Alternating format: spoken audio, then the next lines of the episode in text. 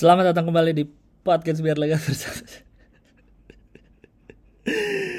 uh, bersama saya Gilang Baskara podcast yang um, isinya mengeluarkan isi kepala saya uh, ngomong tentang hal apa pun biar lega.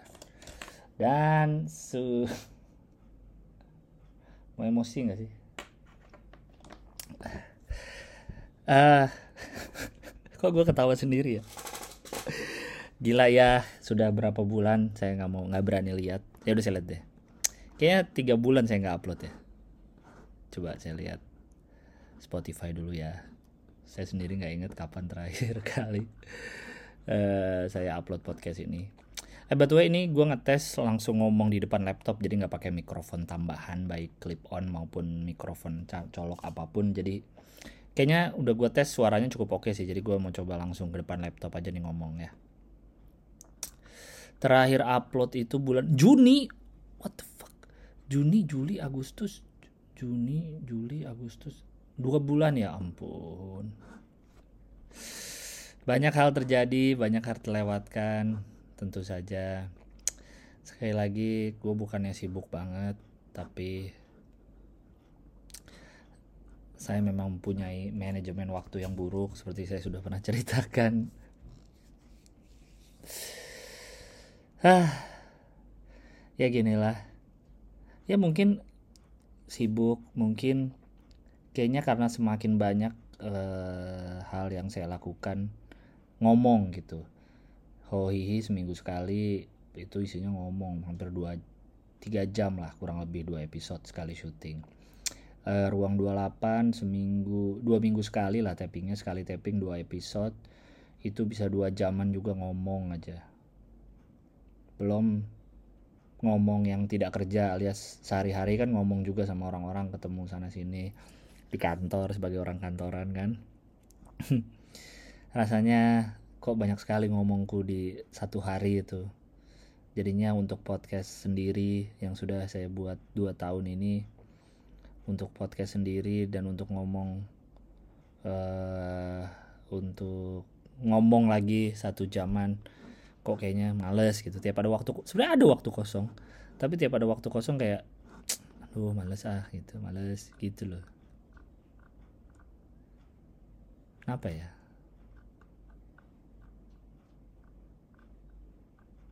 Ya gitulah.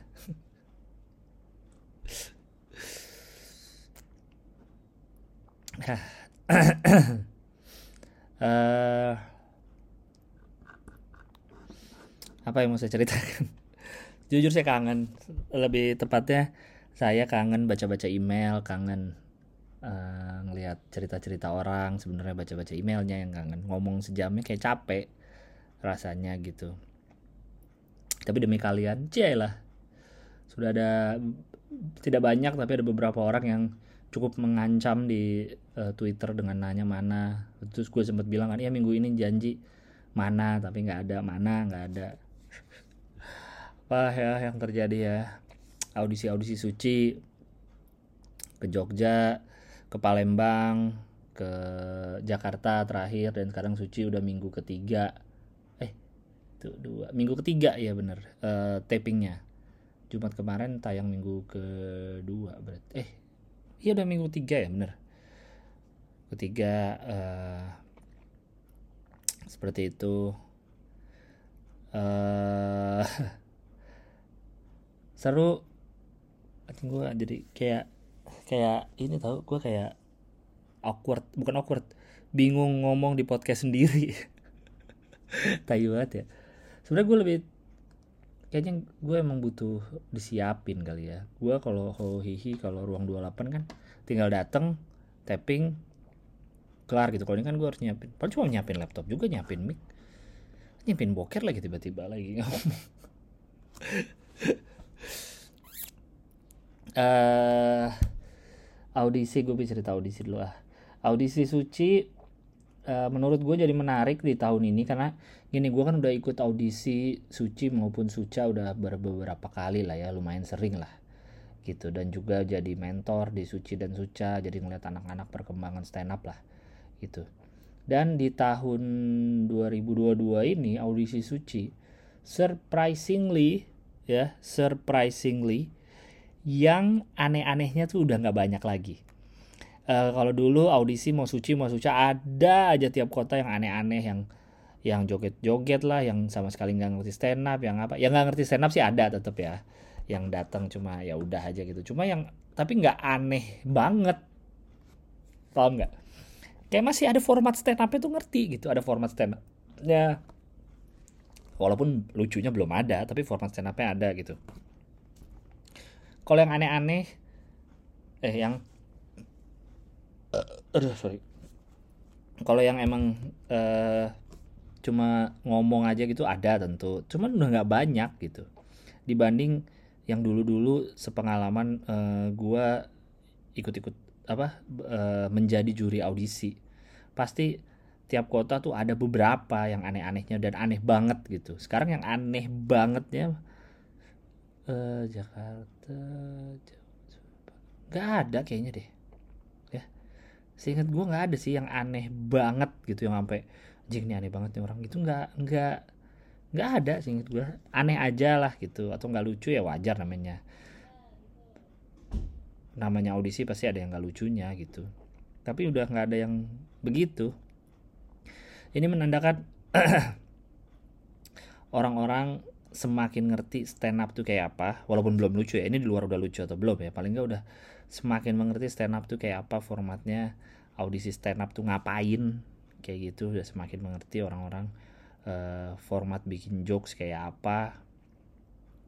Uh, ya itulah intinya uh, semakin sedikit yang aneh-aneh. Dan ini menurut gue hal yang baik gitu di di stand up di Indonesia gitu. Berarti sudah eh, penetrasinya sudah benar cila sudah mengarah ke arah yang mengarah ke arah yang benar. Sosialisasi dan penetrasinya gitu.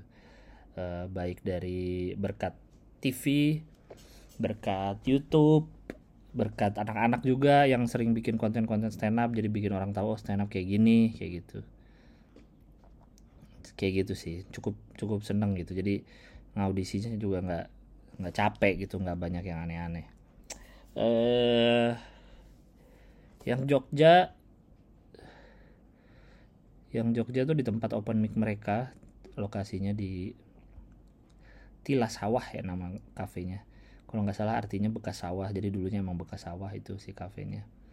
Uh, agak outdoor ada panggungnya jadi ditonton apa namanya audisinya tuh kayak kayak show aja ini gitu kayak open mic kayak show ditonton orang-orang uh, seru di Jogja. Gue makan semua yang gue inginkan di Jogja. Tengkleng makan uh, Bu Rum makan ayam geprek dan video ayam geprek gua entah kenapa jadi rame banget. Uh, sate kelatak makan Adi tentu saja. Dan jangan lupa uh, tanggal 16 17 18 kita bisa bertemu di Jambore stand up di Jogja lagi yeah akan ke Jogja lagi untuk Jambore. Yang soal burung tuh gue kaget sih. Ini kan gue belum cerita dong. Ya belum lah ya baru baru kemarin. Uh, jujur saya kaget kalau video itu jadi sangat ramai. Uh, di luar banyak orang yang bilang ini mah bukan ayam geprek terserah lu burung yang nyiptain kalau lu bilang bukan ayam geprek sih ini mah ayam ancur terserah itu mah terserah. Saya merasa saya merasa senang bisa memberitahu atau bisa ngasih lihat nih ayam geprek kayak gini kayak gitu. Uh, pertama itu karena uh, eh, gue tahu Bu Rum itu dari tahun berapa ya? Udah agak lama deh mungkin 2015 mungkin. 2015 2014 kayaknya ya uh, karena waktu itu kan lagi sering-seringnya saya jalan-jalan. Uh, ada anak anak ada yang bikin show Jogja jalan. Ada yang apa tingkah di Medan jalan. Lagi sering jalan-jalan sama Awe terutama lagi sering Awe pas lagi masih jadi presiden stand up sekalian dia kunjungan kerja ke komunitas-komunitas saya mau jalan-jalan. Uh, nah waktu itu tuh diajak ayam geprek. Karena kan gini saya kan uh, tidak terlalu suka unggas ya. Makanan-makanan unggas tuh saya tidak tidak terlalu suka agak pilih-pilih. Uh, gue juga sering cerita kali ya. Kayak ayam tuh maunya kalau sate ayam mau chicken katsu mau nugget mau tapi ayam goreng ayam pop ayam bakar tuh enggak. Kayak gitulah cukup pilih-pilih dalam hal unggas. Kalaupun ditanya kok bisa suka ini suka KFC tapi ayam bakar nggak suka? Nah itu gue nggak tahu jawabannya apa ya emang sukanya gitu aja gitu. Yang gue suka gitu yang gue suka kayak gitu. Seperti itu. Nah makanya selama ke Jogja dulu tuh gue sate kelatak doang yang pengen. Karena kan karena tidak suka ayam ngapain gue melirik atau mau mencoba ayam geprek gitu judulnya ayam. Ternyata pas tahu bentuknya hancur gitu nah gue bisa makan tuh. Eh pertama bentuknya ayam kayak kayak ayam KFC kan fried chicken.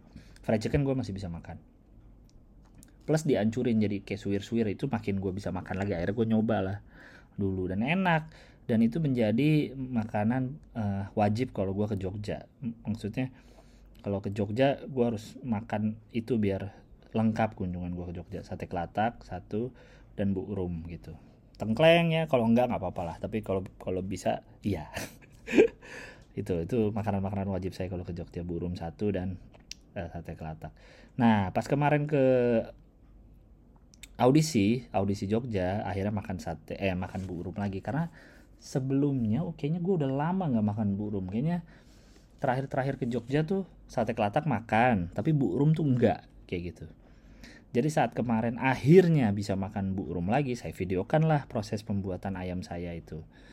Karena wah akhirnya bisa makan bu rum lagi. Udah gitu doang pengen videoin saya upload di twitter saya tidak nyangka jadi sangat ramai aneh banget itu. Uh, orang-orang Jogja dan sekitarnya kaget anak-anak kota Jakarta ini nggak tahu kalau ayam geprek kayak gitu bentuknya. Mereka karena udah terdoktrin dengan geprek-geprek Bensu dan teman-temannya. Bensu sih yang pertama kali mempopulerkan geprek ke sebagai franchise makanan ibu kota dan bentukannya nggak nggak digeprek gitu. Akhirnya terbuat realitas semu bahwa ayam geprek itu seperti itu. Tanggung jawab loh Bensu. Gitu. Dari awal kemunculan geprek-geprekan perbensuan ke in, ke kota besar gitu ke Jakarta itu kan tahun 2017 kali ya 2018 gue tuh udah karena gue udah pernah nyobain burung syukurnya gue udah tahu duluan burung kayak apa gue tuh udah anjir ini mah nggak geprek gitu bukan nggak geprek ini mah. Uh, ya udah. Terus gue videoin yang kemarin. Video dalam nggak ada rangka dalam dalam tingkat apa pun videoin aja karena udah lama nggak makan. Ayam geprek ternyata rame begitu ya ampun. Luar biasa deh. Gue ngerasa kayak udah pernah ceritain ini mungkin di Hoi kali ya. Sedikit sedikit ini juga salah satu alasan kenapa gue mungkin jadi males uh, update podcast ini. Podcast sendiri. Karena selain tadi udah banyakan ngomong sama mungkin jadinya gue merasa ngulang cerita kali ya. Mungkin ada sesuatu yang udah pernah gue ceritain di Hohihi atau di uh, ruang 28 atau di boring bokir mungkin terus gue ceritain lagi di sini. Nggak apa-apa lah ya.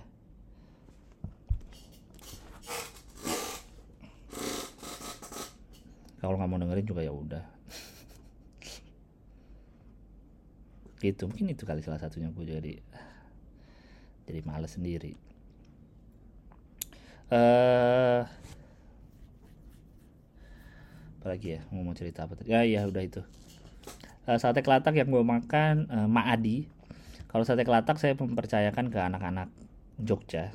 Karena tiap tiap gua ke Jogja biasanya beda-beda tuh. Dulu Pak Bari sempet Pak JJ sempet Pak eh Adi sate kelatak Pak Bari kan yang ADC tuh. Kalau JJ tuh yang Pak JJ di Jombor di tengah kota. Yang lainnya kan di pinggir-pinggiran kota. E, karena e, biasanya ini kalau sate kelatak menurut anak-anak Jogja ya ada perputaran yang kayak misalnya lagi sekarang nih lagi Maadi yang enak nih gitu. Pak Bari lagi kurang gitu.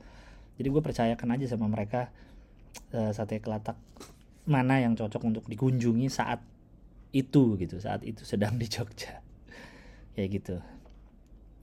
Kayaknya quality controlnya agak ini berubah-berubah gitu yang enak. Mungkin yang orang-orang Jogja bisa mem validasi pernyataan ini atau itu perasaan anak-anak stand up Jogja aja yang padahal semua sama aja rasanya tetap enak atau gimana? Ya intinya kayak gitu. Kalau kalau sate kelatak. Eh kemarin makan Maadi dan memang lagi lagi top tier lah. Kualitasnya lagi enak banget.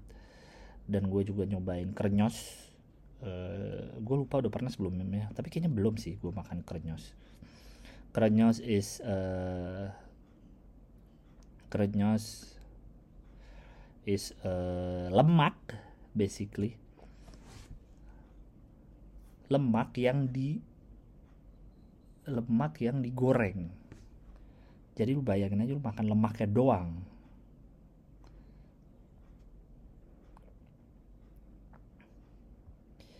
terus asin-asin gitu rasanya.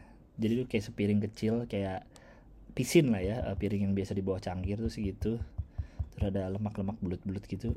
Boh rasanya mantep banget ya Allah. God bless krenyos. Uh, cuma pasti tentu tidak bisa banyak-banyak makan uh, lemak seperti itu. Untuk kesehatan tentu tidak baik. Tapi kayak pengen makan tuh pengen lagi pengen lagi. Kayak kayak nggak bisa berhenti gitu makan si lemak ini anjing ya lemak doang digoreng gila. Uh, audisi bareng Awe gue dan karena audisi sekarang berdua jadi gue lebih tega untuk ngekat komik. Sebelumnya tahun 2020 kan gue sempet audisi keliling juga sama Kompas. Dan itu gue agak nggak tega ngekat jadi banyak yang gue biarin aja gue dengerin aja. Mereka ngomong uh, yang akhirnya merugikan gue karena jadinya selesainya malam selesainya lama gitu. Kayak di Bandung sampai malam. Karena gue tidak ngekat mereka mereka ini gitu. Mungkin mereka senang tidak dikat tapi saya jadi selesainya jadi terlalu malam. Saya dan kru jadi lama. Gitu. Jadi ada temen untuk ngekat ada awe yang lebih tegaan gitu. Pas di uh, Jogja jadi uh, ya begitulah yang terjadi. Kalau kurang bisa dikat tanpa ragu-ragu. Uh, lanjutnya di Palembang dua minggu kemudian. Itu pertama nggak sebenarnya nggak pertama kali ke Palembang tapi sebelumnya saya pernah tampil di Muara Enim di Bukit Asam ya namanya nama apa tambang itu ya. Jadi ke Palembang kayak cuma bentar nyampe itu langsung ke Bukit Asam. Kalau kemarin di Palembangnya audisi yang mencegel eh, makan pempek Viko dikasih saran pempek Viko uh, yang enak itu es kacang merahnya nice. Es kacang merahnya sangat nice. Uh, terus pempek kulitnya juga nice. Walaupun akhirnya yang saya bawa pulang itu pempek sebelahnya apa ya candy ya. Karena tadinya mau beli pempek Vico juga tapi habis kulitnya. Karena kulitnya enak banget gue ngincar kulitnya sebenarnya. Ada ya udah deh nyari kulitnya di pempek lain. Uh, terus lagi saya makan mie celor mie celor Syafi'i tapi tidak langsung di tempatnya karena eh, nggak uh, sempat lagi audisi itu kan akhirnya dibungkus uh, dibawa ke tempat audisi. Uh, gue sih suka ya. Uh, cukup cocok lah gitu. Mungkin lebih enak lagi kalau makan masih anget di tempat gitu. Kalau jegel soalnya kurang kurang suka katanya gitu nggak cocok. Dia kan teksturnya uh, creamy. Kuahnya tuh sangat sangat creamy kayak kayak carbonara kayak fettuccine carbonara tapi jauh lebih jauh lebih creamy gitu. Dan rasanya tuh apa ya asin ya berarti ya agak-agak asin gitu. Eh asin apa? Gurih gurih sorry. Rasanya gurih kayak gitu.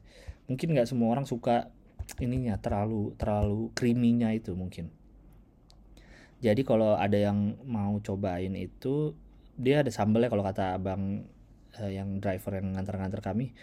Kalau lebih enak lagi tuh ditambahin sambal biar menyeimbangkan rasanya gitu. Mungkin biar nggak terlalu gurih banget gitu diseimbangkannya dengan uh, sambel seperti itu. Uh, di Palembang ngapain aja ya? Oh kebetulan ada temennya Jegel teman kuliahnya Jegel yang kerja di sana di OJK dari Medan juga. Di OJK di Palembang. Jadi kami dijemput terus di jalan-jalan lah.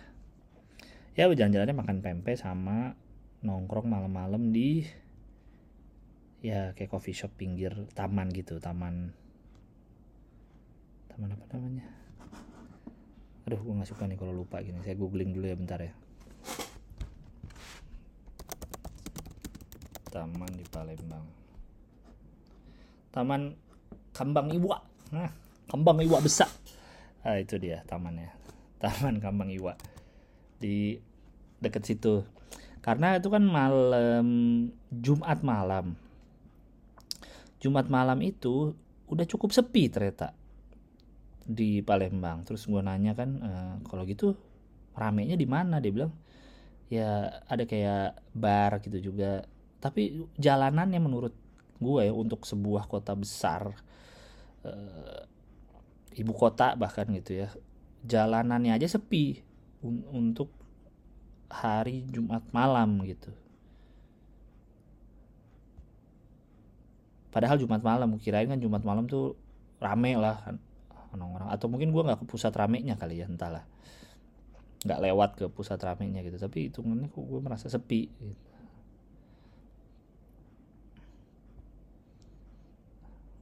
seperti itu. Uh, terus makan apa lagi ya? Pempek lagi sih dua kali gue ke pempek Viko karena emang enak. Hmm, mana lagi ya makan mie celor audisi. Udah oh, nongkrong di tempat anak stand up Palembang paling. Terus sudah sih tapi seru lah Palembang karena karena kotanya tidak familiar di saya gitu. Jadi seru melihat-lihat baru gitulah pengalaman baru. Siapa lagi yang gue ceritain ya? Uh, oh gue nonton tinju uh, namanya nama championshipnya apa ya itu ya? Baku hantam. Baku hantam championship di bengkel SCBD Jakarta. Karena ada temen gue yang tanding. Ini kayaknya pertama kali dalam hidup gue pengalaman menonton teman tanding tinju. Jadi kan gue Ronin nih uh, nge-gym. Tempat gym gue namanya Ronin. Dari 2018 akhir bareng sama Uus sama Boris uh, di situ ada namanya Diki teman saya. Orang Bandung dulunya juga. Dia ini fighter lah. Uh, sebenarnya dia spesialisasinya di kickboxing. Nah kemarin itu dia tanding untuk uh, kelasnya boxing aja tapi. Jadi nggak pakai kaki kayak gitu. Dan nonton boxing tuh emang seru ternyata ya pantesan Holy bikin terus. Karena memang deg-degan seru walaupun gue uh, tidak tidak bukan fighter lah gitu ya bukan yang zaman dulu nonton boxing di minggu pagi bersama ayah gitu enggak sih. Bokap gue suka nonton boxing. Kakek gue juga suka dulu. Sorry gue minum dulu.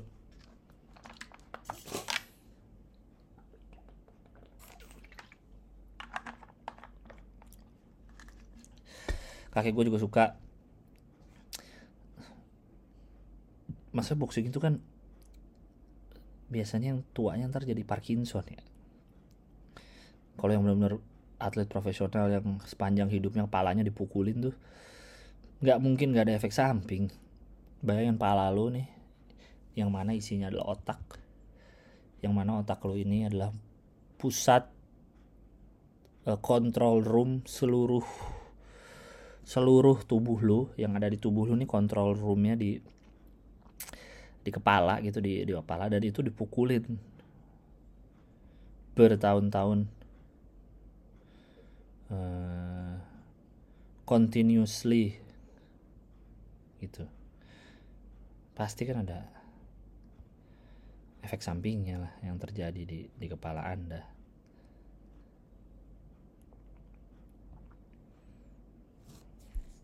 Makanya kalau yang masih amatir kan pakai ada head guardnya ada yang semacam helmnya itu. Kalau enggak ya Allah. Pala bro dipukulin terus.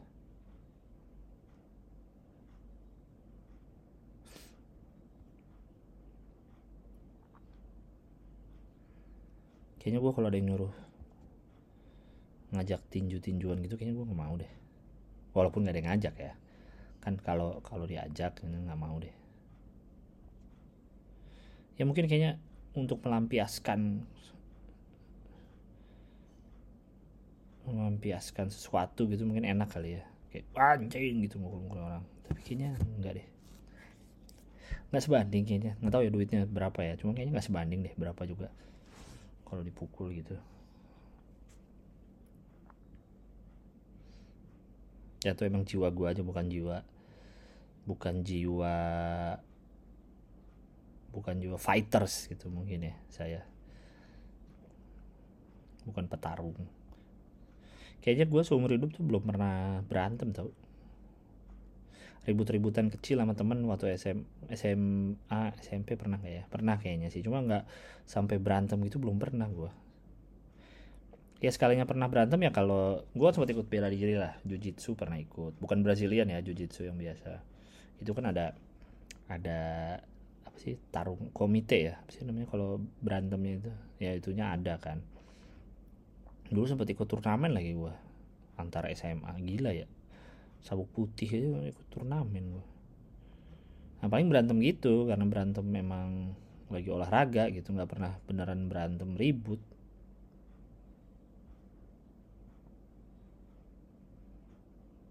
Jadi emang jiwa gue kayaknya bukan jiwa jiwa fighters. Gue jiwa nongkrong aja lah udahlah gitu. Bisa ribut ada. Itu pertama kalinya saya. Dan saya duduk satu sofa sama Wulan Guritno walaupun sama pacarnya Wulan Guritno. Itu ada gue ceritain di boring bokir tuh. E, kami ceritakan. Karena kami karena gue nonton sama sama Boris juga e, tapi boring bokir belum tayang-tayang. Padahal udah disutik dari sebelum Uus ke Thailand. Dia udah balik dari Thailand belum tayang juga. Ini udah mau ke US lagi tuh orang. Terus sibuk. Uh, apalagi yang mau gue ceritain ya? Ulang tahun Hohihi kemarin ulang tahun pertama. Seru sekali. Mungkin cerita lengkapnya banyaknya udah ada di Hohi kali ya itu kan. Gue jadi nggak mau ngomong jadi males-malesan. Bukan males sih karena udah pernah diceritain. Ya intinya uh, seru banget acaranya. Kami gue dan Bang Abdel nggak nyangka acara iseng-iseng ini ternyata ada yang mau nonton ada yang mau bayar live 220 ribu. Uh, ada yang mau beli merchandise-nya. Ada penontonnya cukup militan walaupun secara viewers mungkin bukan yang ratusan ribu uh, per video atau apa tapi emang bener berarti bukan berapa banyak yang nonton tapi siapa yang nonton? Atau apakah si audience kalian ini mau keluarin duit untuk kalian kayak gitu? Ternyata mau. Seperti itu. Jadi seru. Thank you berat yang udah pada nontonin Hohihi dan uh, datang ke live nya dan pendengar mungkin mungkin ya pendengar ruang 28 atau Hohihi itu ada pelarian dari pendengar ini yang tidak mendapatkan asupan biar lega. Uh, udah, udah. Mau baca email ya?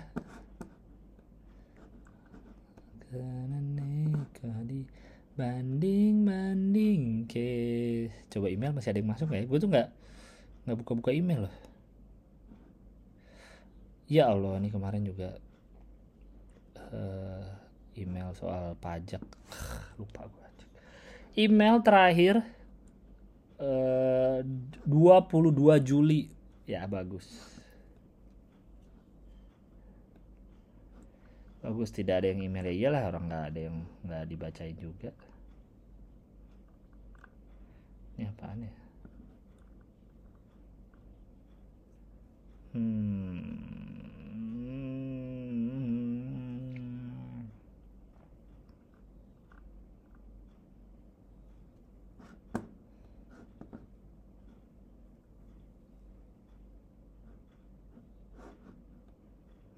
Oke,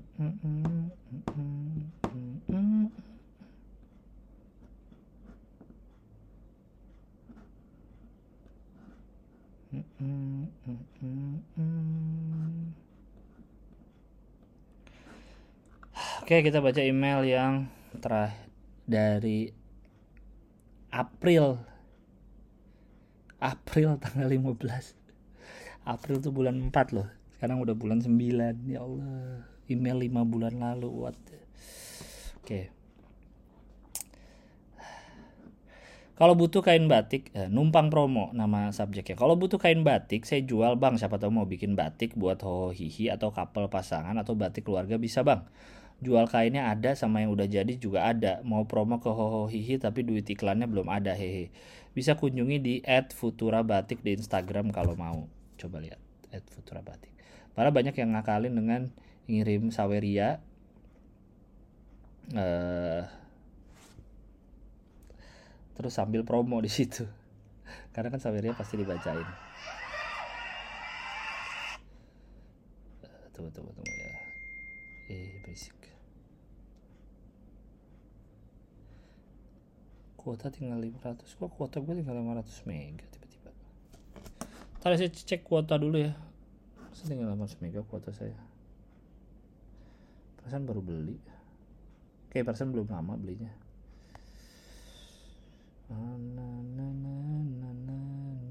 Eh, iya dong. Aktif sampai dengan 13 September sisa 500 mega. Ntar ya gue beli kuota dulu. Ini apaan sih podcast malah beli kuota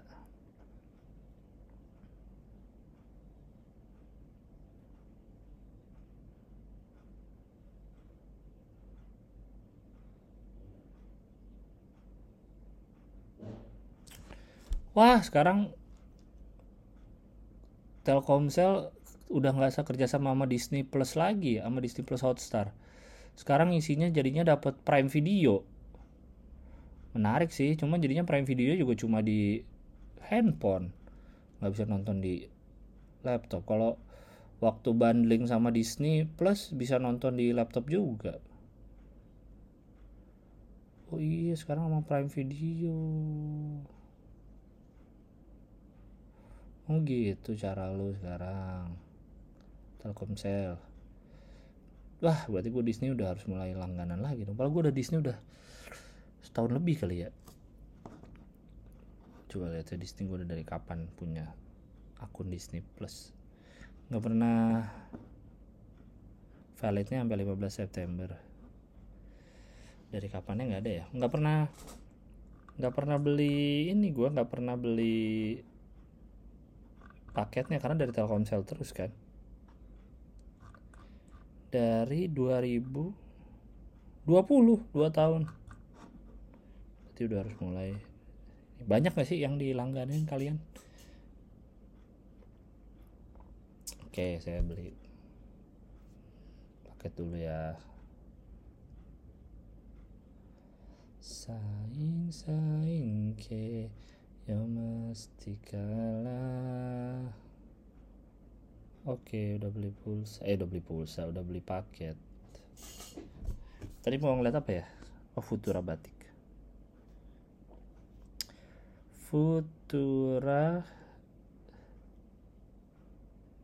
Batik. Bener kan ya? Add Futura Batik. Oh, ada nih. Desain batik. Oh. Batik-batik modern gitu ya. Tapi bisa custom. Oh mau dibikinnya apa nice nice. Oke lanjut. Email berikutnya dari eh subjeknya bot bocil polosan Halo Bang Hilbas, aku habis gacha di PES Mobile terus dapat Oliver Kahn, Bang. Udah cuma mau ngomong itu aja. Sehat terus Bang Hilbas, BTW podcastnya keren. Oliver Kahn kiper dong ya bagus ya oke okay. uh, alamat email jangan dibaca Nala keluar dari rumahnya tapi kamu kalau dari nama emailnya cowok sih tapi panggilannya Nala lucu juga Assalamualaikum Bang Gilbas, Waalaikumsalam. Panggil aja gua Nala, mahasiswa S1 semester 10 asal Jogja yang studi di Jogja. Udah setahun lebih gua nggak nyentuh skripsi bang dan jujur nggak tahu mau neliti apaan dan mau jadi apaan kalau lulus. gue juga ngerasa gue juga nggak ada perasaan mesti lekas nyusul teman-teman yang udah lulus. Tau udah setahun lebih juga gue nggak ngobrol sama mereka. Hari ini gue mutusin buat keluar dari rumah bang alias ngekos. Padahal jarak rumah ke kos cuma 45 menit doang. Ya nggak apa-apa sih. Kayak si Boris di Bandung kan dia ngekos. Mungkin dari rumah dia ke Unpar 45 menitan juga mungkin. Ya setengah jam lah kurang. Semoga ada pergerakan gue ini bisa jadi awal baik buat studi gue bang. Itu aja sih bang, mau ditangkapin boleh, kalau enggak juga nggak apa-apa. Aduh. Kelak kalau gue lulus atau DO, amit-amit gue kabarin lewat email juga deh bang. Oh iya, gara-gara dengerin biar lega, gue jadi sering rekam voice memo tiap hari juga bang. Hitung-hitung latihan ngomong setelah setahun lebih seringnya diem aja kalau di rumah. Wih, hebat juga podcast gue ini menginspirasi ya. Semoga abang dan semua pendengar biar lega, sehat-sehat, baik fisik maupun mental. Amin, amin. Terima kasih bang, alhamdulillah sudah sedikit lega. Uh, uh, ini apalagi udah semester 10 ya, ini yang saya alami dulu gitu. Kayak nggak tahu lulus mau jadi apa, nggak tahu ini skripsi males banget lanjutinnya. Uh, uh, saya doakan mau doain cepet lulus padahal belum tentu lulus ya. Mau doain Dewa juga jangan. Uh, saya doakan uh, diberi jalannya aja lah. Uh, kalau kalau kalau minta tanggapan saya mah saya mah saya kan orangnya uh, uh, aduh saya kan orangnya ngalir ya hanya mengikuti hidup. Walaupun katanya kan yang go with the flow don't know where to go. Memang don't know where to go saya tapi saya go with the flow sejauh ini hidup saya. Saya jalani dengan go with the flow. Uh, ya semoga lulus lah. Jadi doain yang baik aja deh semoga lulus dan ada jalannya untuk ya untuk lulus. Ya Nala mantap. Uh, eh lanjut Jangan bacain alamat email. Om Gilang gebetan saya uh, gebetan saya jadian dengan orang lain di timeline saya. Eh, eh gimana sih? Om Gilang gebetan saya jadian dengan orang lain di timeline saya lagi ngerasain beratnya quarter life crisis dan pusing-pusing ngerjain skripsi. Oh sama yang tadi. Sarannya dong Om Gilang rekomendasiin tiga lagu saat-saat gini dong Om. Tiga lagu saat-saat gini. Kalau saat putus gue tahu. Tapi kalau saat gini, masalahnya lu belum jadian juga kan ya? Masih PDKT doang. Uh, lagu di saat seperti ini lagu di saat seperti ini uh, lagu lagi gebetan aduh nggak tahu gua. Lagi beratnya quarter life crisis. Oke. Okay. quarter life crisis uh, John Mayer Stop This Train uh,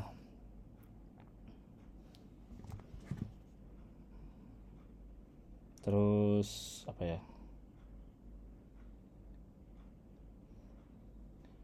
Aku jadi ingat lagu-lagunya John Mayer semua nih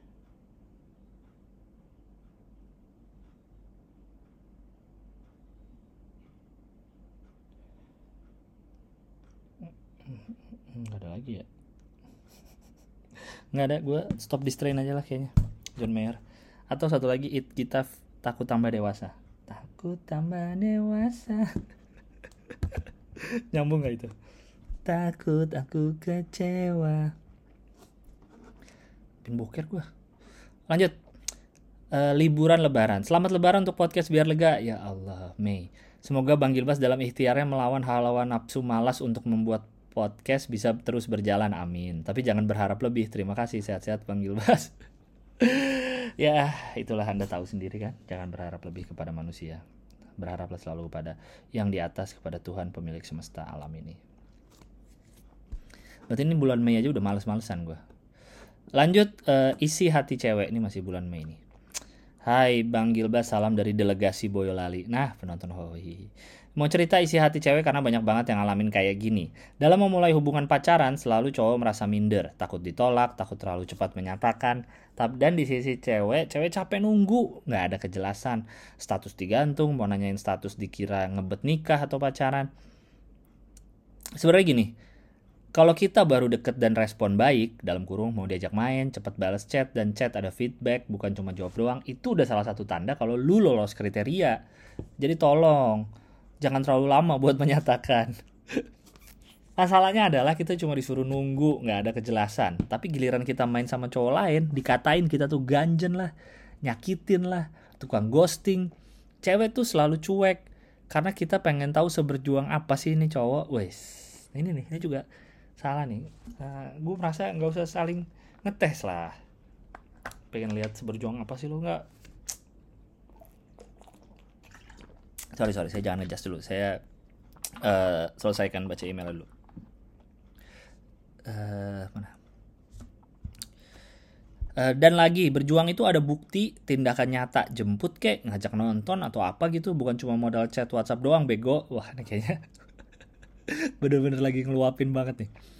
Cuma modal chat sama telepon berbulan-bulan giliran kita gandeng yang lain ntar playing victim cewek tuh sama aja semua nyakitin. Oh iya soal minder, cewek nggak selalu kok nilai dari ekonomi atau pendidikan. Eh.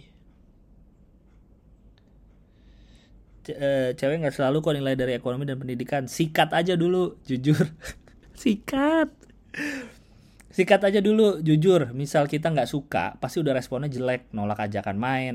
Intinya jangan sampai kehilangan karena telat menyatakan. Ini saya setuju. Jangan sampai kehilangan. Intinya seperti yang saya sering bilang jalani hidup ini with no regrets. Udah bang ini aja biar lega. Kesel gue dan temen-temen cewek lain sering banget nasibnya selalu gitu tiap deket sama cowok. Makasih bang Gilbas. Uh, kayaknya intinya ya dalam be berbagai macam aspek kehidupan tidak hanya masalah uh, menyatakan suka atau masalah relationship banyak sekali aspek kehidupan ini yang berantakan hanya karena masalah komunikasi. Kalau menurut lo ini bagian dari komunikasi nggak? Ini bagian dari komunikasi juga kan? Eh, cewek, cowoknya lama nyatain, cowoknya, eh, ceweknya, eh, apa namanya? Ceweknya merasa udah ngasih feedback bagus kok nggak di iniin gitu loh. Ini ada, iya mungkin di salah satu, satu sisi cowok minder benar, cowok suka minderan uh, tapi cewek juga kadang nggak nggak nggak jelas gitu. Kadang suka cuma kode-kode apa nggak jelas maunya gimana. Gitu. Jadi ada dua sisi nih saling ah gue nungguin. Nggak dia nggak ngomong-ngomong tapi dari sisi cowok kalau gue ngomong dia mau nggak ya? Aduh nanti dulu deh. Gitu. Itu kan masalah komunikasi berarti yang buruk yang sudah berlangsung lama antara kehidupan cewek cowok di di negara ini atau di mana pun kayaknya ya. Gitu. Jadi memang masalahnya mau sampai kapan? Kan emang men are from Mars women are for, from Venus. Jadi memang beda nih dua makhluk dengan dua kutub yang berbeda gitu. Tapi ayolah bisa lah ya cowok-cowok. Kalau udah yakin nih saya saya punya rekor tidak pernah ditolak kalau nembak. Gue karena gue tahu yang gue tembak ini pasti nerima gitu. Makanya kan eh, saya pacaran gak banyak lah gitu kan. Banyak kalau denger gue tuh suka kaget dulu tuh pas denger mantan ada 20 ada 15 kok bisa pacaran sebanyak itu ya? Dan banyak juga yang cowok-cowok yang gue sering dengar teman-teman gue yang kalau cerita tuh dulu dia kalau ada suka nembak aja dulu mau ditolak bodo amat. Gue nggak bisa kayak gitu. Harus nunggu yakin ini diterima baru gue tembak ya tapi macam-macam lah. Cuman ya intinya itu masalah komunikasi. Ya semoga ini kayaknya saya dia nggak nyebut nama ya. Tapi semoga cowok yang lagi lu tungguin nih kayaknya dia lagi nungguin cowok nih uh, segera merespon dengan baik ya. Siapa tahu dia dengerin ini juga. Lanjut bulan Mei nih. Mau tanya dong subjeknya. Jangan dibaca alamat emailnya bang. Nih ini kayaknya terakhir aja ya Uh, halo bang, mau nanya dong dulu waktu daftar kuliah, bang Gilang kayak dipaksa harus masuk universitas negeri gitu nggak bang? Soalnya keluarga aku kayak maksa banget aku masuk negeri, padahal kakak-kakak aku, kakak saya ada dua. Waktu kuliah semuanya pada di swasta dan ambil jurusan IPS. Giliran aku dibilangnya harus masuk kampus negeri dan harus masuk jurusan IPA. Yang di mana masuk negeri aja peluangnya susah banget, apalagi di jurusan IPA, kan anjing. Dari namanya kamu kayaknya cowok ya. Aku yang awalnya punya cita-cita pengen masuk kampus negeri, sampai enek rasanya. Kayak, emangnya kampus cuma UGM? Apa-apa UGM? Dikit-dikit UGM tai lah akhirnya karena enek dan dengan kampus negeri kemarin aku, aku diem-diem daftar di kampus swasta dan langsung keterima WK WK WK udah gitu aja unuk ya bang rajin-rajin update ya bang uh, dulu saya nggak nggak dipaksa alhamdulillah. Saya punya punya keluarga yang tidak terlalu tidak liberal tapi tidak terlalu konservatif juga. Waktu gue bilang gue mau masuk HI dulu uh, nyokap gue langsung emang nyaranin Parahyangan karena Parahyangan HI-nya kan memang oke okay ya gitu. Cuma pas udah keterima pun tetap suruh coba SPMB untuk nyoba negeri walaupun gak keterima ya makanya saya kuliah di Parahyangan akhirnya. Kayak gitu. Mungkin orang tuamu nih ini mungkin bagi ini mah saya ngejat saja ya hanya dari bacaan email yang sedikit ini. Uh, orang tuamu punya ambisi anaknya masuk negeri atau orang tuamu dulu pengen masuk negeri nggak bisa sehingga dia ambisinya diturunkan ke anak ya kan bisa dua hal kayak gitu. Uh, dan karena kakak-kakakmu udah swasta semua kamulah satu-satunya sisa uh, jawaban yang bisa menjawab ambisi itu. Entah ambisi yang mana tadi ya yang benar. Itu sisa di kamu doang nih anak terakhir. Eh nggak tahu ya kamu nggak bilang anak terakhir sih kamu cuma bilang kakakmu dua. Jadi kamulah harapan orang tuamu bisa merasakan punya anak yang masuk negeri. Kayak gitu sih kayaknya. Jadi jadi ya udah. Kamu yang di dalam tanda petik dipaksa gitu masuk negeri. Ya kayaknya sih kayak gitu sih bener nggak? Coba kamu email lagi dong. Ini kan udah bulan Mei kan masa-masa UMPTN kan udah lewat kemarin kan? Apa sih namanya sekarang? Itulah. Siapa tahu kamu masuk mana? Kabarin ya. Email lagi kamu masuk kampus mana jadinya. Dah. Uh, uh, doakan saya rajin update di sini. Jujur gue pengen rajin pengen pengen. Cuma karena tadi tuh yang gue bilang karena kebanyakan ngomong kerjaannya terus banyak takut ngulang-ngulang cerita. Tapi nggak gue pengen rajin di sini karena gue senang baca-baca emailnya. Kayak gitu. Uh, ya itulah palingnya sehat-sehat selalu kalian semua. Doakan ini rajin terus. Uh, temui saya di di tempat-tempat lain. Acara-acara stand up juga udah makin banyak ya. Uh, jujur gue pengen banget bikin show tunggal lagi ataupun tour pengen tour sih. Tapi ngelihat anak-anak lagi pada rame banget bikinnya kayaknya sekarang hampir tiap bulan ada banyak sekali show stand up. Uh, eh, gue kayaknya nanti dulu kali ya terlalu penuh gitu biar orang-orang bisa membagi duitnya gitu mau nonton siapa. Which is good. Acara stand up rame itu hal baik kok bukan hal buruk tentu bukan hal buruk menandakan industri is growing the economy is growing the stand up itself is growing. Tapi ya gue nanti dulu lah banyak banget anak-anak terpacu tapi nggak mau ikut hiruk pikuknya nanti aja deh apa tahun depan ya apa. Nggak tahu deh doain aja. Ya sehat-sehat selalu uh, dah itu aja. Bingung mau ngomong apa lagi. Sampai jumpa di episode berikutnya. Btw ini tayang nanti gue tayangan lagi uh, episode bareng ada gue episode bareng Dani Aditya.